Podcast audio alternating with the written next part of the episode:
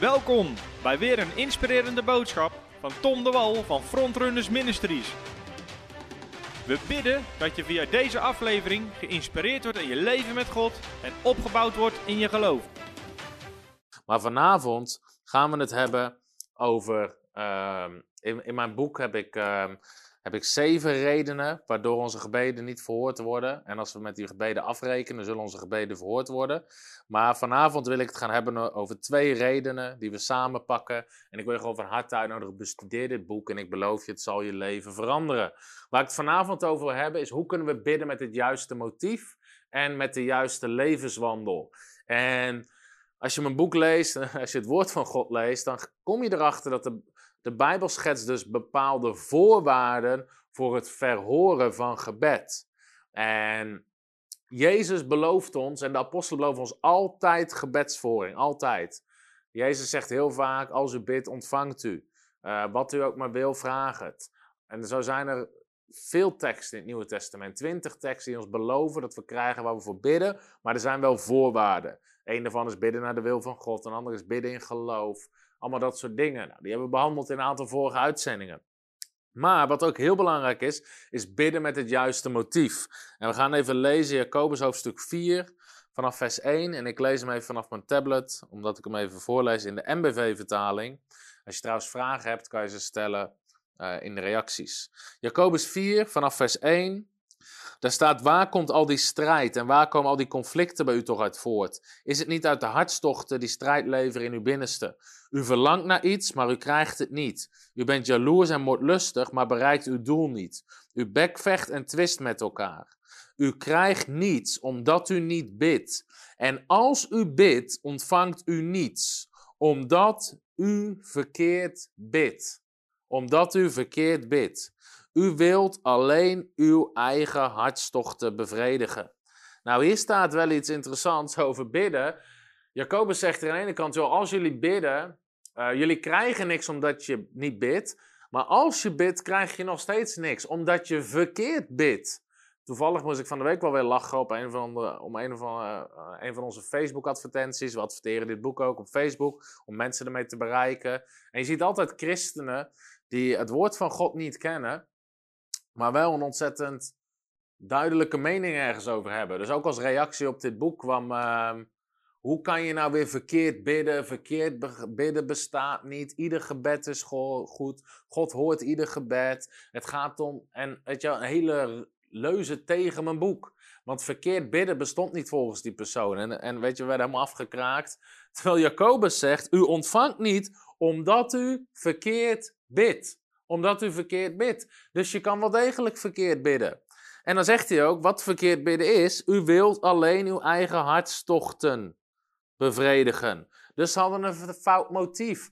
De reden achter hun gebed, wat voortkwam uit hun hart, was verkeerd. Dus wij moeten zorgen dat we met het juiste hart bidden. Met het juiste hart om dingen vragen. Nou, als we het hierover hebben, een van de dingen die meteen belangrijk is om aan het begin van deze uitzending neer te zetten, is dat het gaat niet zozeer om wat je vraagt. Het gaat vooral waarom je het vraagt. En weet je, heel veel christenen. Uh, kijk, dit, dit is even een ding, even een stapje terug. God wil ons alles geven, zegt de Bijbel, waar we om bidden. Jezus zegt ook bijvoorbeeld: bid en u zult ontvangen, opdat uw blijdschap volkomen wordt opdat uw blijdschap volkomen wordt. Johannes 16, vers 24. Dus Jezus, we mogen zelfs om dingen bidden, gewoon omdat we daar blij van worden. En in, in Johannes 15, vers 7 zegt Jezus: Vraag wat u maar wil, en het zal u ten deel vallen. Het zal u ten deel vallen. Dus ik kan hem misschien wel even op de camera doen. Johannes 15, vers 7. Dan zien mensen dat ik het niet verzin. Vraag wat u maar wil, En het zal u ten deel vallen. Hier, vraag wat u maar wil en het zal u ten deel vallen. Daarvoor staat als u in mij blijft en mijn woorden in u blijven. Vraag wat u maar wil en het zal u ten deel vallen. Nou, Jezus zegt hier, als je in mij blijft, als je in mij leeft, mijn woord is in je, vraag wat je maar wil. Hij zegt er niet, tenzij het iets voor jezelf is. Dus, want heel veel mensen denken, ja, maar je mag niks voor jezelf vragen. Nee, nee, nee, dat voegt de Jezus hier niet aan toe. Het gaat om het motief. Waarom vraag je iets. Het gaat er niet om wat je vraagt, het gaat erom waarom je het vraagt. Dus even als voorbeeld, ook voor degenen die kinderen hebben, die zullen dat wel herkennen. Je kinderen kunnen misschien om van alles vragen. Maar als ze ergens om vragen, probeer je ook als natuurlijke ouder te kijken, waarom willen ze iets hebben? Dus het kan zijn bijvoorbeeld dat een van je kinderen vraagt om een mountainbike. Pap, mag ik een mountainbike? Nou, voor, voordat je meteen ja of nee zegt, wil je waarschijnlijk weten waarom wil mijn kind een mountainbike? Wil hij een mountainbike omdat hij meer wil sporten, sportief bezig wil zijn, beter wil zijn in, bezig zijn in de buitenlucht, wat hij denkt dat een leuke hobby is? Of wil hij een mountainbike omdat er op school een of andere discussie is over wie de duurste fiets heeft of wie de mooiste fiets heeft? Weet je, wat is het motief? Is het motief sportiviteit en sport en beweging? Of is het motief uh, eigenlijk zelfzucht? Dat maakt een heel groot verschil, ondanks dat het misschien om hetzelfde ding gaat. Nou, zo is het ook in onze wandel met God. Het gaat God niet zozeer om wat Hij ons geeft, het gaat erom wat is het motief erachter. Waarom wil je iets hebben? En wat dat betreft zijn christenen soms expert om je te ontmoedigen, in plaats van om je te bemoedigen. Want soms als je ergens voor bidt, weet je, dan zijn er altijd van die mensen die weten te presteren om te vragen, ja, maar heb je het wel echt nodig? Nou, het gaat er niet zozeer om wat je echt nodig hebt.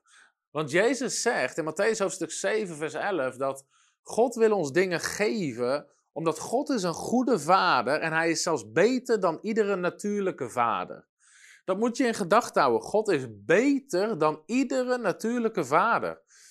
Nou, als natuurlijke vader, met alle respect, maar iedere natuurlijke vader, alle natuurlijke ouders die het kunnen, die financieel de mogelijkheid hebben, die geven hun kinderen meer dan wat ze echt nodig hebben.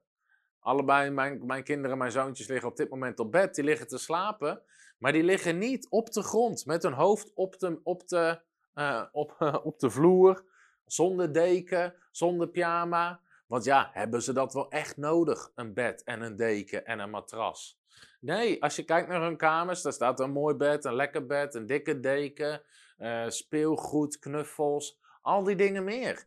Geen enkele natuurlijke vader denkt, ja, wat heeft hij wel echt nodig? Weet je, wat ze vanavond gegeten hebben is gewoon aardappels, vlees en groenten. Niet wat heeft hij echt nodig. Nou, hij kan het ook alleen met rijst doen.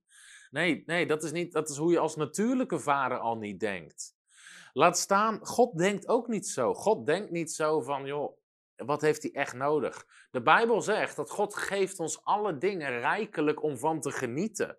Dus zelfs genieten. God geeft ons zelfs dingen om van te genieten. Als we ook maar rijk zijn in goede werken, zegt de Bijbel, en vrijgevigheid. Dat we kunnen delen. Maar God wil ons zelfs, dat is 1 Timotheus 6 vers 17, dingen geven om gewoon van te genieten. Dus het gaat er niet eens om van wat hebben we echt nodig. Door heel de Bijbel heen zien we dat God geeft mensen veel meer dan ze echt nodig hadden. Adam en Eva liepen niet in de Hof van Eden te zoeken naar de laatste aardbei. Omdat God ze alleen gaf wat ze echt nodig hadden. En over, ja, volgende week groeit er wel weer wat nieuws. Nee, er was overvloed. Als je kijkt hoe Abraham. De Bijbel zegt, Abraham was in alles gezegend door de Heer. Genesis 24, vers 1. In alles. Dus God denkt niet zo. Psalm 23 zegt, de Heer is mijn herder. Nou, als je vraagt aan christenen in een kerk, is de Heer je herder? Zegt iedereen, amen, de Heer is mijn herder. Oké, prima. Hoe gaat de rest van de psalm verder? Mij ontbreekt niets. Er staat niet, de Heer is mijn herder, ik heb niets. Dat staat er niet. Mij ontbreekt niks. Hij leidt mij naar grazige weiden. Hij leidt mij naar plekken waar genoeg te eten is. Hij vertroost mij, hij helpt mij. Dan zegt de Bijbel, zegt, zegt daar ook van, uh, zegt ook goedheid en gunst zullen me volgen alle dagen van mijn leven. Dus God is niet zo van wat heb je echt nodig. Toen Jezus water in wijn moest veranderen, zei hij ook niet, ja jongens, hebben jullie dit wel echt nodig? Waarom drinken jullie niet gewoon water? En waarom moet het luxe wijn zijn? En waarom, weet je wel, we kunnen het bovendien, sommige mensen zijn hier al aardig, die hebben al een aardige borrel op. Laten we het maar gewoon eens stoppen, dit feestje. Dit is helemaal niet nodig. Stop, nee. Jezus zet water, verandert water in wijn. Meer dan genoeg. Dat is het karakter van God.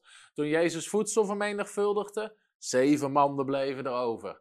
Daarna bleven er twaalf manden over. Jezus stopte niet met net genoeg. Onze God is een God van meer dan genoeg. Zo belangrijk om te weten, ook als het gaat om gebed. Maar het gaat om ons motief. De Bijbel zegt, schep vreugde in de Heer en dan zal Hij je geven wat je hart verlangt. Nou, wat is een goed motief? Laten we daar eens heel concreet over hebben. Wat is een goed motief? Ten eerste heeft het te maken met het koninkrijk van God op de eerste plek zetten in je leven. Het koninkrijk van God, de heerschappij, de wil van God op de eerste plek in je leven. Want Jezus zegt in Matthäus 6, vers 33: Zoek eerst het koninkrijk van God. En al deze dingen zullen je erbij gegeven worden. Zoek eerst het koninkrijk, zegt Jezus.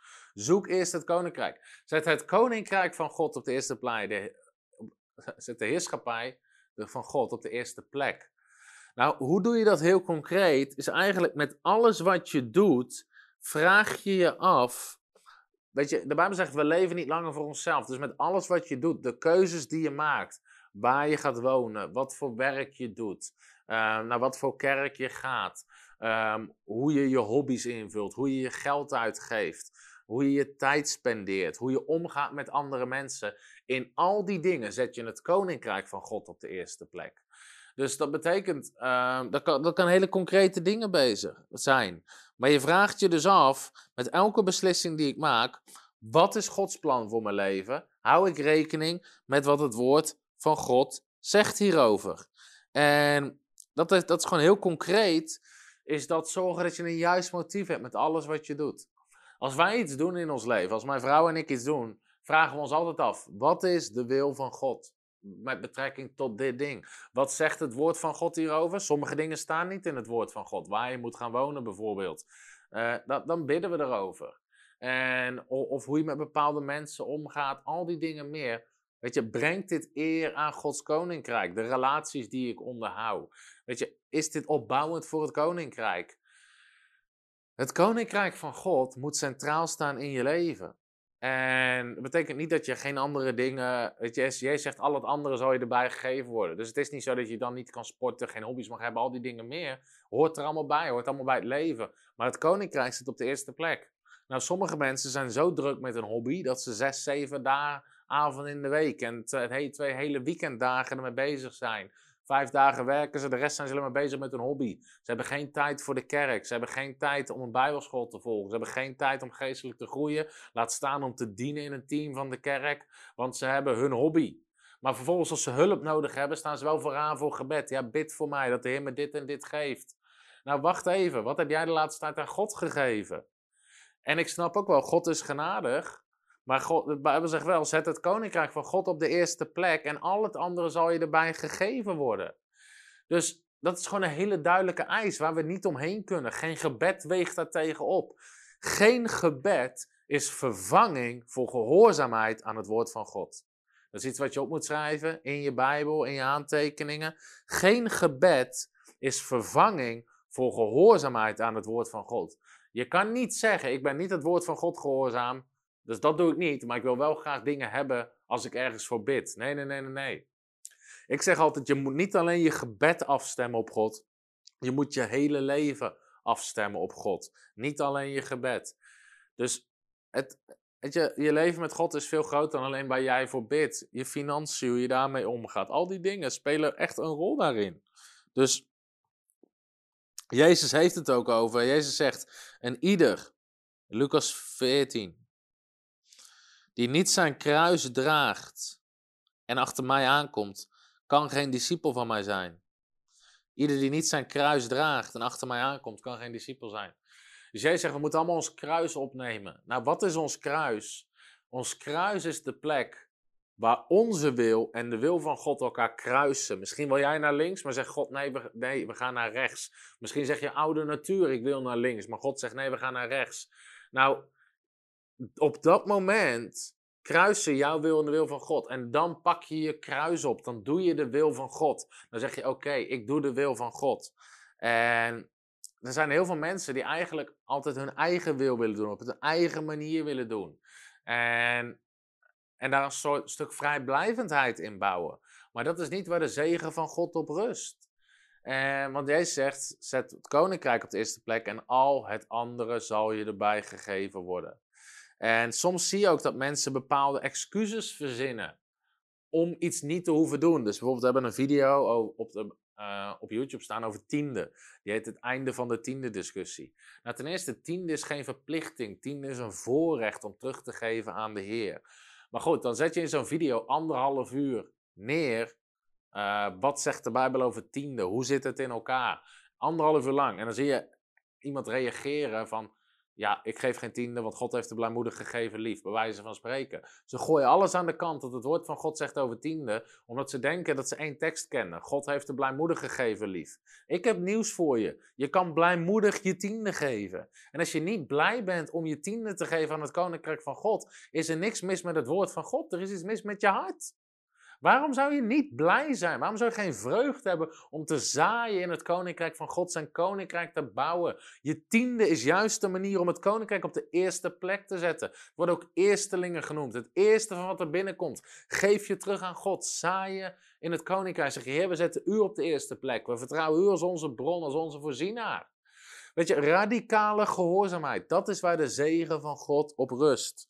En ook als het gaat om gebedsverhoring. Al het andere geeft hij erbij. Dus wat, wat heeft hier nog meer mee te maken?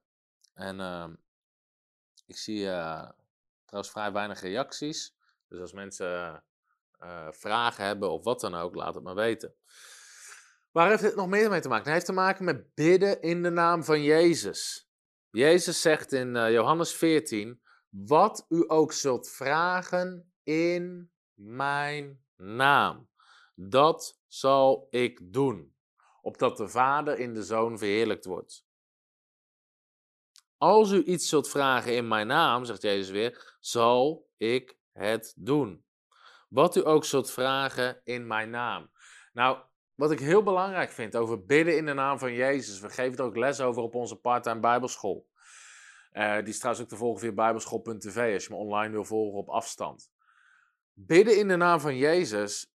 Veel mensen die opgevoed zijn in de kerk, in een gelovig gezin, hebben geleerd: je moet bidden in de naam van Jezus. Dus we bidden da, da, da, da, da, da, in de naam van Jezus. Amen.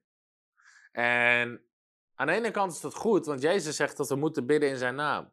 Maar we moeten ook leren om stil te staan bij wat betekent het als we bidden in de naam van Jezus. Want wat zeg je eigenlijk als je de naam van Jezus gebruikt? Het is niet zomaar een gebedsformule. Als je iemand zijn naam geeft, dan geef je diegene autoriteit om namens hem dingen te vragen of te doen. Dus in Nederland is het zo, ik weet als je bijvoorbeeld moet gaan stemmen, dat je iemand anders kan je namens jou laten stemmen. Dan moet je diegene je paspoort meegeven en een formulier invullen. Maar dan heeft diegene eigenlijk jouw naam gekregen. Op dat moment mag die persoon naar de stembus gaan, een bepaald vakje invullen en zeggen: Ik doe dit namens die persoon. Jij hebt die persoon autoriteit gegeven. Het is hetzelfde effect alsof die persoon het zelf zou doen, alsof die persoon zelf zou stemmen. Dezelfde autoriteit zit eraan verleend, want je hebt je naam eraan gegeven. Ik kan tegen een van onze, eh, ik kan bijvoorbeeld tegen Roel, onze office manager, zeggen: joh, kan je die en die persoon even mailen en namens mij vragen om dit of dat te doen? Als Roel dan mailt, heeft dat hetzelfde effect als dat ik het zou vragen aan die persoon, want hij vraagt het als het ware in mijn naam. Op het moment dat Jezus, wij hebben als gelovigen de naam van Jezus gekregen, waarvan de Bijbel zegt het is de naam boven iedere andere naam. Dat spreekt zo over de kracht die er zit in ons gebed en de autoriteit, niet alleen in ons gebed, ook in ons handelen. Want je ziet dus dat in het boek van Handelingen, dat ze heel bewust waren van de kracht van de naam van Jezus. Dus in Handelingen 3 zeiden ze, in de naam van Jezus, sta op. Eigenlijk zeggen ze namens Jezus zelf zeggen we u sta op en wandel. Ze zeiden het namens Jezus. Maar het heeft ook te maken met ons motief. Als jij iets bidt, moet je bidden in de naam van Jezus. Want Jezus zegt, je zal het vragen in mijn naam.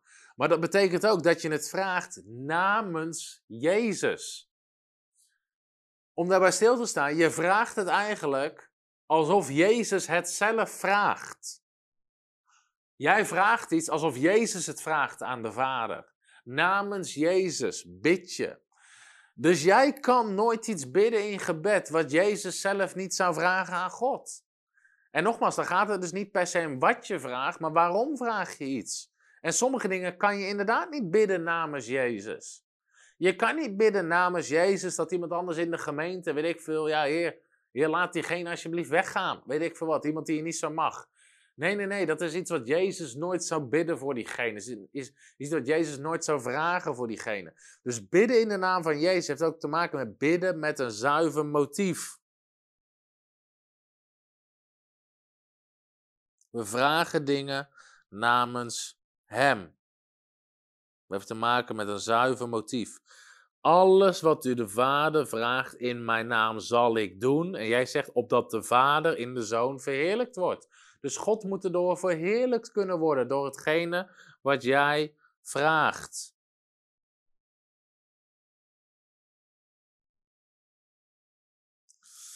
Oké, dus dat is eventjes over een zuiver motief. Dus ik heb er even een paar dingen over gezegd, maar dat is gewoon iets voor jezelf om af te vragen. Um, ga ik daar nog... Ja, ik ga er wel een voorbeeld over geven. Um, ik zit even te denken of dat ik dat... Uh, ja, ga ik nu alvast doen. In mijn boek vertel ik ook een getuigenis voor een vrouw, van een vrouw. En haar man geloofde heel lang niet. Die geloofde niet, die leefde een leven zonder God. En die vrouw wilde heel graag dat haar man tot geloof kwam. En, want haar vriendinnen vroegen vaak, komt je man naar de kerk? En, en het zag altijd in de kerk toch een beetje uit als een gezin. Joh, daar klopt iets niet, die man gelooft niet. En zij bad voor die man, dat die man tot geloof zou komen. Jarenlang bad ze en bad ze en bad ze en bad ze. Maar hij kwam niet tot geloof. En tot op het punt dat hun huwelijk stond op scheiden, hun huwelijk stond op knappen. En ze werd echt boos op God. En, um, en op een gegeven moment ze, en ze zoiets tegen God. Van Heer, waarom? Waarom verhoort u het gebed niet? Waarom is hij niet tot geloof gekomen? Ik heb al zo lang gebeden voor mijn man. En op dat moment hoort ze de stem van God. En God zegt tegen haar: Je bidt niet voor je man, je bidt voor jezelf. En God liet haar de motieven in haar hart zien. En ze kwam erachter dat ze eigenlijk niet aan het bidden was voor haar man, zodat haar man tot geloof zou komen, zodat zijn zonden vergeven werden, zodat hij een levende relatie kreeg met God, zodat hij de eeuwigheid met God door zou brengen. Ten diepste was haar motief egoïstisch. Ze bad voor zichzelf, zodat haar leven beter zou worden als haar man tot geloof kwam. Ze wilde dat haar leven beter zou worden. Dat ze met samen naar de kerk konden. Dat iedereen uh, zou zeggen: Oh, kijk eens wat een fijn gezin. Oh, kijk eens wat het goed gaat. Ze was eigenlijk aan het bidden voor haar eigen reputatie. Haar motief was verschoven. Ze bad wel dat haar man tot geloof kwam, maar met helemaal niet met het motief, omdat ze dat haar man per se gun, te gunnen is misschien niet het goede woord. Natuurlijk wilde ze dat hij tot geloof kwam, maar het motief was niet goed. En toen God dat liet zien in de hart, bekeerde ze zich. En toen begon ze echt te bidden. Heer, ik bid dat mijn man gered wordt, dat ze zonde vrij dat hij een relatie krijgt met u. Heer, hoe de buitenwereld er tegenaan kijkt, maakt me niet uit. Maar kom in zijn leven, doe een werk in zijn levens. En ze begon oprecht te bidden voor hem. Omdat, het gewoon, omdat ze gewoon echt wil dat hij tot geloof kwam, zonder bijbedoelingen. En binnen no time kwam haar man tot geloof. Hier zie je hoe belangrijk een zuiver motief is. En daar geef ik in mijn boek ook allerlei voorbeelden van. Omdat ons motief kan soms onbewust heel erg troebel worden. En dat hoor je mensen ook wel eens zeggen. Ja, ik bid echt dat ik genees, want het zou een groot getuigenis zijn voor mijn familie. Of voor de, voor de kerk, of voor dit of dat. Ik snap je hart. Ik snap wat je zegt. Maar de reden dat God jou geneest, is omdat hij belooft in zijn woord en omdat hij van je houdt. Dat is de reden. Dat is, dat is ons recht op genezing. Door zijn striemen zijn we genezen. Al zo lief had God de wereld dat Jezus aan het kruis ging. Onze zonde en onze ziekte droeg. Dus, uh, dus, daar, dus, dus daar moeten we op focussen en niet per se op allerlei bijzaken. Als je trouwens gebed nodig hebt, ook als je deze uitzending kijkt, jij staat ergens voor in geloof. Misschien dat je man tot geloof komt, je kinderen tot geloof komen. Misschien gebed nodig voor genezing, bevrijding, doop in de Heilige Geest. Misschien kijk je deze uitzending op dit moment over gebed en je weet niet eens zeker of je gered bent, of je een kind van God bent, of je later naar de hemel gaat. Bel dan naar dit nummer, wat nu in beeld komt. En leg je gebedsverzoek neer. Onze bidders zitten klaar. Getrainde gebedsteams om met jou te bidden, om voor jou te bidden, om met jou in geloof te staan. Dus als jij een wonder nodig hebt, of je hebt God nodig in je leven, bel naar dit nummer. En mensen zitten voor je klaar om voor je te bidden. Dus dat heeft te maken met een zuiver motief. Nou, dan is er nog iets wat heel belangrijk is. En ik wil het ook kort aanhalen. Nogmaals, als je echt deze dingen dieper wil weten, moet je, moet je mijn boek lezen en bestuderen. Gaat je echt enorm zegenen. Maar dat is namelijk. Ik ga eerst lezen. 1 Johannes hoofdstuk 3. Wat is naast een zuiver motief nog heel belangrijk, is wandelen in liefde. En misschien heb je dit nooit direct gezien in het woord van God, maar wandelen in liefde is een voorwaarde voor gebedsverhoring. Dat het ook te maken heeft met het koninkrijk van God op de eerste plek zetten. Uh, ja. 1 Johannes 3, vanaf vers 22. Daar staat dit. En wat wij ook maar bidden. Hier zie je weer. Wat wij ook maar bidden. Ontvangen wij van Hem. Omdat we zijn geboden in acht nemen. En doen wat Hem welgevallig is. En dit is zijn gebod. Heel even, mag heel even eraf. Iets waar we ons denken in moeten vernieuwen. En ik ga daar nou geen heel diep onderwijs over geven. Ik ben trouwens wel een nieuw boek erover aan het schrijven. Wat hier ook een klein beetje op ingaan. Is als christenen lezen het woord van God. Als we zijn geboden in acht nemen. De geboden van het Nieuwe Testament zijn niet de geboden van het Oude Testament. Het gaat niet over de wet van Mozes met al die geboden en bepalingen. Jezus Christus heeft ons nieuwe geboden gegeven. Dat noemt de Bijbel de wet van Christus. De Bijbel leert ons ook dat als we opnieuw geboren zijn, als we gestorven zijn met Christus en opgestaan zijn, zijn we ook gestorven aan de wet en we leven onder genade. Dus je bent niet langer onder de wet van het Oude Testament. En wat zijn dan die geboden? Hier wordt het uitgelegd. Dus dat is even goed om te bedenken. Wat wij ook maar bidden, ontvangen wij van Hem omdat we zijn geboden in acht nemen en doen wat hem gevallig is. Hier worden die geboden uitgelegd. Dit is zijn gebod. Twee dingen. Dat wij geloven in de naam van zijn zoon Jezus Christus. En dat we elkaar lief hebben, zoals hij ons een gebod gegeven, gegeven heeft. En wie zijn geboden in acht neemt, blijft in hem en hij in hem. En hieraan weten we dat hij in ons blijft, namelijk aan de geest die God ons gegeven heeft. Nou, het gebod wat Jezus gaf was heb God lief en heb je naaste lief. De geboden van Jezus gaan over liefhebben, wandelen in liefde. Maar de Bijbel zegt hier, wat wij ook maar bidden, ontvangen wij, omdat, omdat wij zijn geboden in acht nemen. Waarom krijgen we wat we bidden? Omdat we zijn geboden in acht nemen. Wat zijn zijn geboden? We geloven in Jezus en we hebben andere mensen lief. Dus het wandelen in liefde is een voorwaarde voor gebedsverhoring. Niet alleen in deze tekst, ook in andere teksten ehm, is de Bijbel daar heel duidelijk over.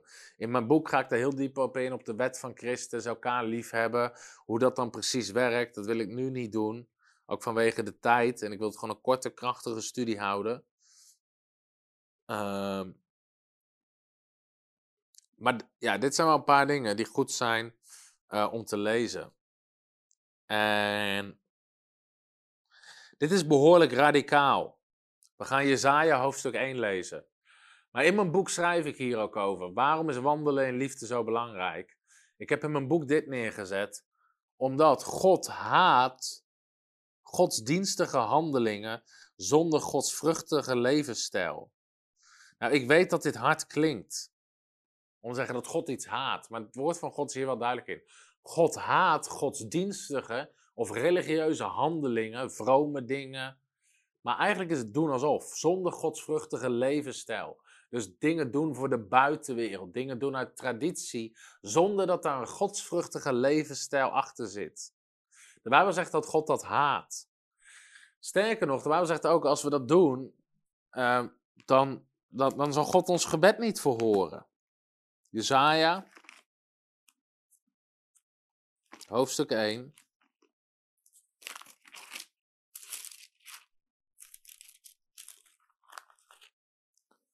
Wanneer u komt. Wanneer u komt om voor mijn aangezicht te verschijnen. Dus eigenlijk in, uh, in Gods aanwezigheid te zijn. Wie heeft dit van u gevraagd? Het platlopen van mijn voorhoven. Nou, dat spreekt ook over de tempel. Breng niet langer nutteloze offers. Het reukwerk is mij een gruwel. Nieuwe maansdag, sabbat, Het bijeenroepen van samenkomsten.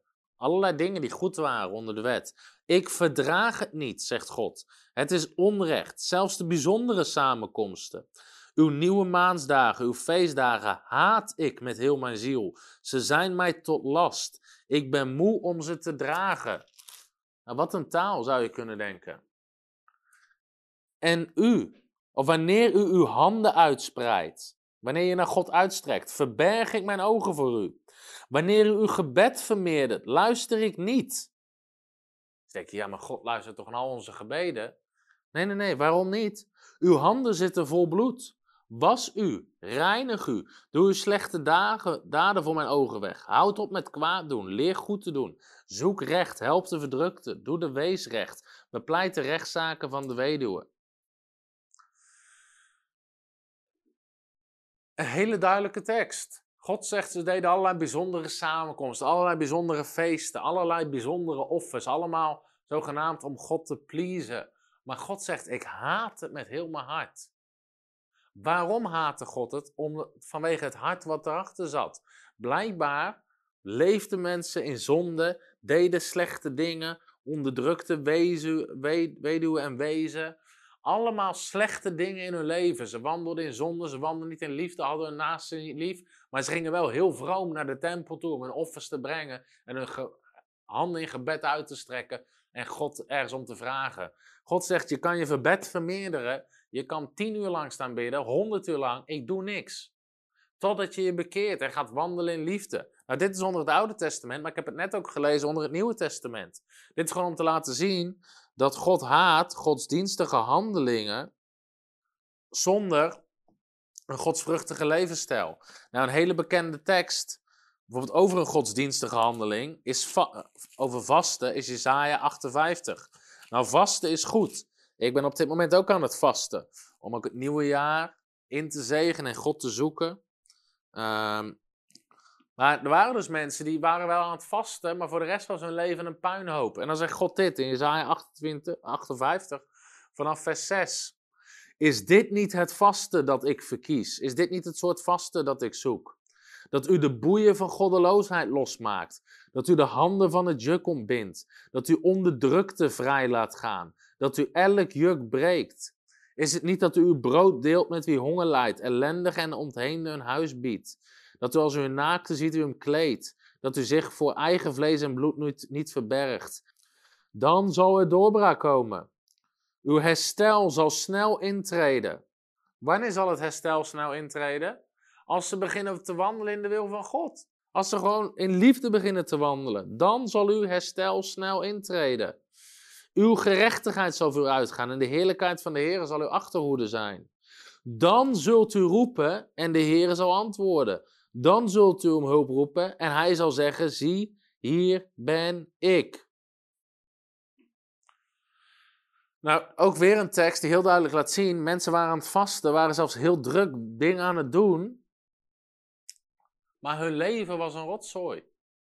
En er waren allerlei verkeerde dingen in hun leven. En God zegt: nee, nee, nee, bekeer daarvan. Begin recht te doen, begin te wandelen in liefde. Dan zal je herstel intreden. Dan ga ik je gebed verhoren. Dan zal ik antwoorden.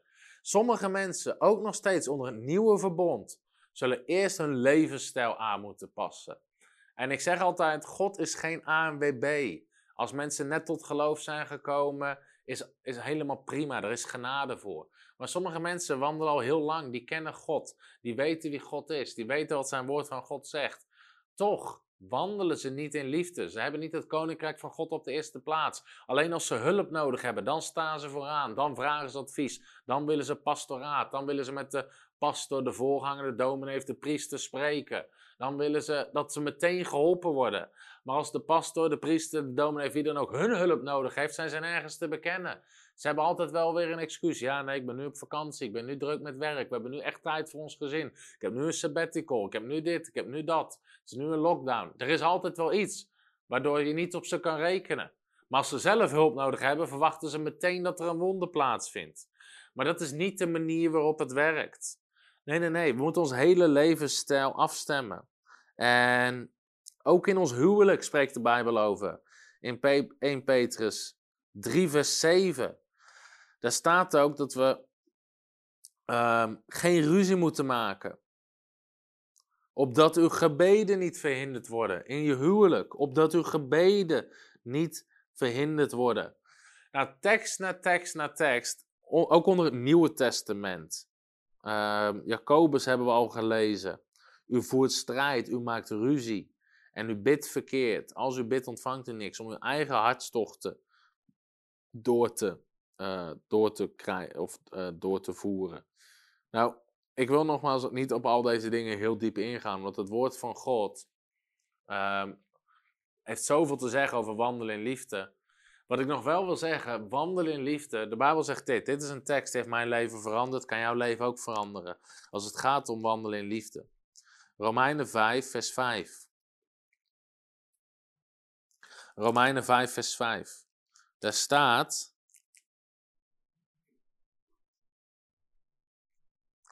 De hoop beschaamt niet, omdat de liefde van God in onze harten uitgestort is door de Heilige Geest. Door de Heilige Geest. De Geest van God is in ons hart uitgestort. En met dat de Geest van God in ons hart woont, woont ook de liefde van God in ons hart. En nu kunnen wij ervoor kiezen om te wandelen in liefde, want de liefde van God zit al in jou. Het is niet iets wat van buitenaf moet komen. Soms moet je het misschien van ver halen, als mensen bloed onder je nagels vandaan halen of wat dan ook. Maar iedere keer kan je de keuze maken: nee, ik wandel in liefde. Nou, hoe dat eruit ziet, daar schrijft de Bijbel over in 1 Korinthe 13. En 1 Korinthe 13 is het hoofdstuk over liefde. En ik ga even kijken in mijn boek, als het goed is. Even kijken hoor.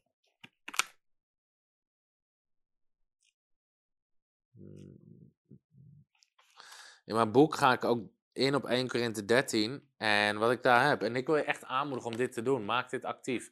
1 Korinthe hoofdstuk 13. Ik weet niet of we één verder kunnen inzoomen. Ik weet niet of je dan nog... Ja, zie nog niet heel veel meer. Maar... Hier staat 1 Korinthe 13 opgezomd. Met alle eigenschappen van de liefde. Oh ja, dit kan wel. Hij is wel ver ingezoomd. Hier. Oh ja. Hier zie je 1 Korinthe 13, dat is pagina 160 van mijn boek. Nogmaals, al onze boeken kan je gewoon gratis bestellen. Daar zie je gewoon de eigenschappen van liefde uit 1 Korinthe 13. En op de volgende bladzijde kan je je eigen naam invullen. Want de Bijbel zegt, de liefde van God is in ons hart uitgestort en we moeten wandelen in liefde. Dus die eigenschappen moeten we ons eigen maken. Dus om erop te mediteren, en dit is een hele goede meditatieoefening, want we kunnen altijd groeien in liefde. Iedereen. Dus dit is gewoon goed. Ook om één keer in de zoveel tijd gewoon eens te doen. Wat zegt de Bijbel in 1 keer in de 13 over liefde? Liefde is geduldig. Nou, andere vertalingen heb ik erachter gezet. Liefde verdraagt lang. Liefde is eindeloos geduldig. Weer een andere vertaling zegt: liefde is nooit ongeduldig. Nou, wie kan daarin groeien? Ik denk wij allemaal wel. Het gaat ook niet om, om perfectie. Of het gaat ook niet om van nou, als we, als we niet, als we ooit ongeduldig zijn, verhoort God onze gebeden niet. Nee, nee, nee, we zijn onder genade, daar heeft het niet mee te maken. Maar je moet wel wandelen in liefde en je daarna uitstrekken en je hier gewoon hierin groeien. Liefde is vriendelijk. Het ook liefde zorgt meer voor anderen dan voor zichzelf. Liefde is nooit onvriendelijk. Liefde is niet jaloers. De liefde begeert niet wat van een ander is. Liefde is blij voor een ander. Liefde pronkt niet. Liefde schept niet op. Liefde doet niet gewichtig. Vertelt niet hoe goed hij of zij is. Liefde handelt niet ongepast. Onteert andere mensen niet. Houdt meer rekening met anderen dan met zichzelf. Liefde zoekt niet haar eigen belang. Zoekt het beste voor de anderen. Liefde manipuleert niet, stuurt niet en forceert anderen niet. Liefde wordt niet verbitterd. Liefde raakt nooit gekwetst omdat ze meteen vergeeft. Liefde houdt de fouten van andere mensen niet bij. Nou, dat is ook een hele grote. Liefde wordt nooit gekwetst. Sommige mensen zeggen, ja, ik ben gekwetst. Oké, liefde raakt nooit gekwetst, want het houdt de fouten van anderen niet bij. Liefde vergeeft meteen, dus laat zich niet kwetsen. Liefde verblijdt zich niet over de ongerechtigheid, maar verheugt zich over de waarheid. Liefde is niet blij als ze slechte verhalen over anderen hoort. Stemt niet in met ongerechtigheid. Liefde bedekt alle dingen. Liefde beschermt de ander altijd. Liefde bedekt de overtredingen van een ander en maakt ze niet openbaar. Hey, heb je het al gehoord? Over... Nee, nee, nee, nee, nee. Liefde maakt het niet openbaar. Liefde gelooft alle dingen.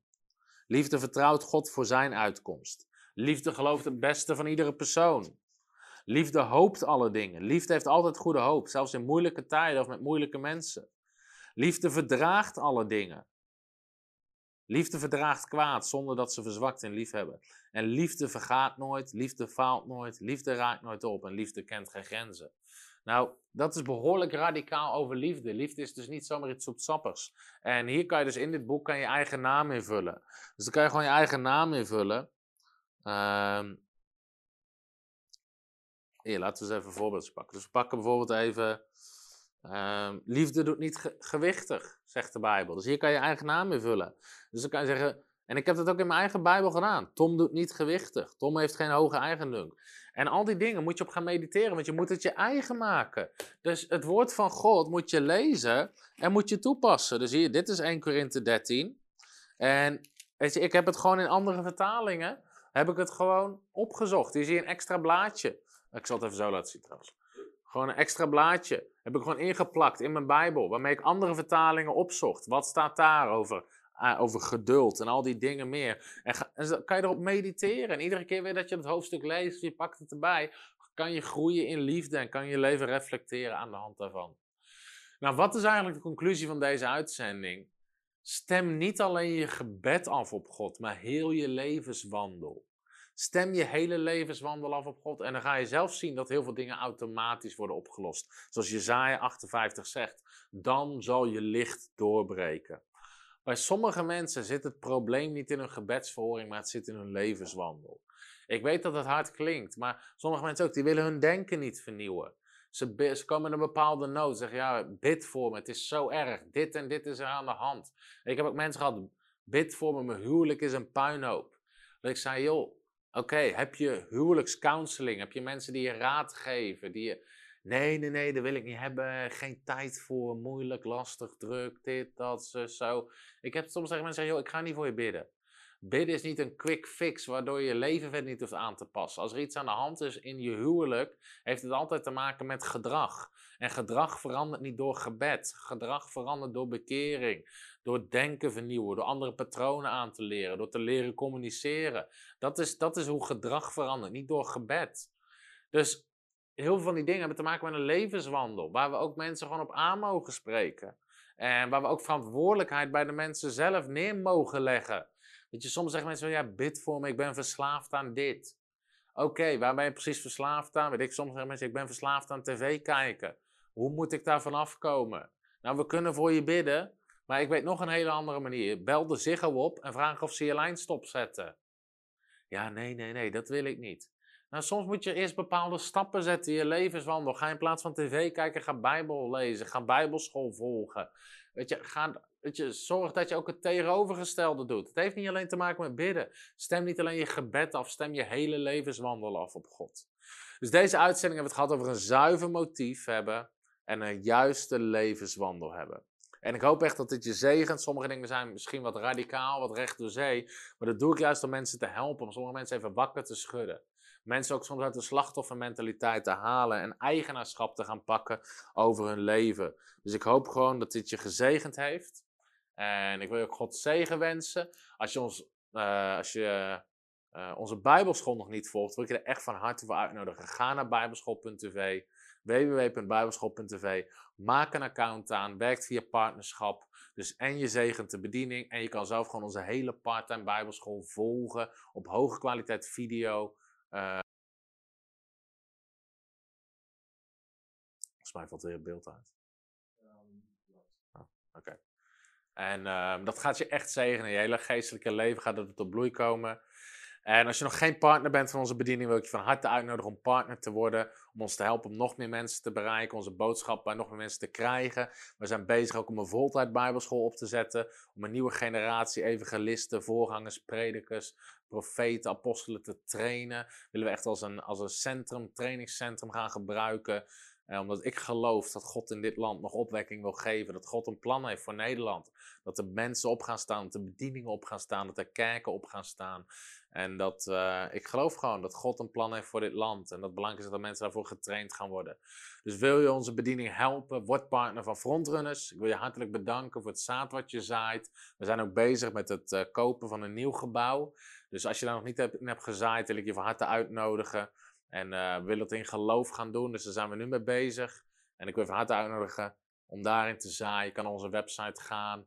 En uh, dan wil ik je alvast hartelijk bedanken als je daarmee meewerkt. En God zegen en tot de volgende keer. Wist jij dat de Bijbel zegt in 3 Johannes 1, vers 8 dat je een medearbeider wordt van de waarheid als je partner wordt van een bediening? Dat is geweldig nieuws. Want dat betekent dat wanneer jij partner wordt van frontrunners, jij mee hebt gewerkt aan de honderdduizenden mensen die wij bereiken en toerusten met het woord van God door onze video's en door onze boeken.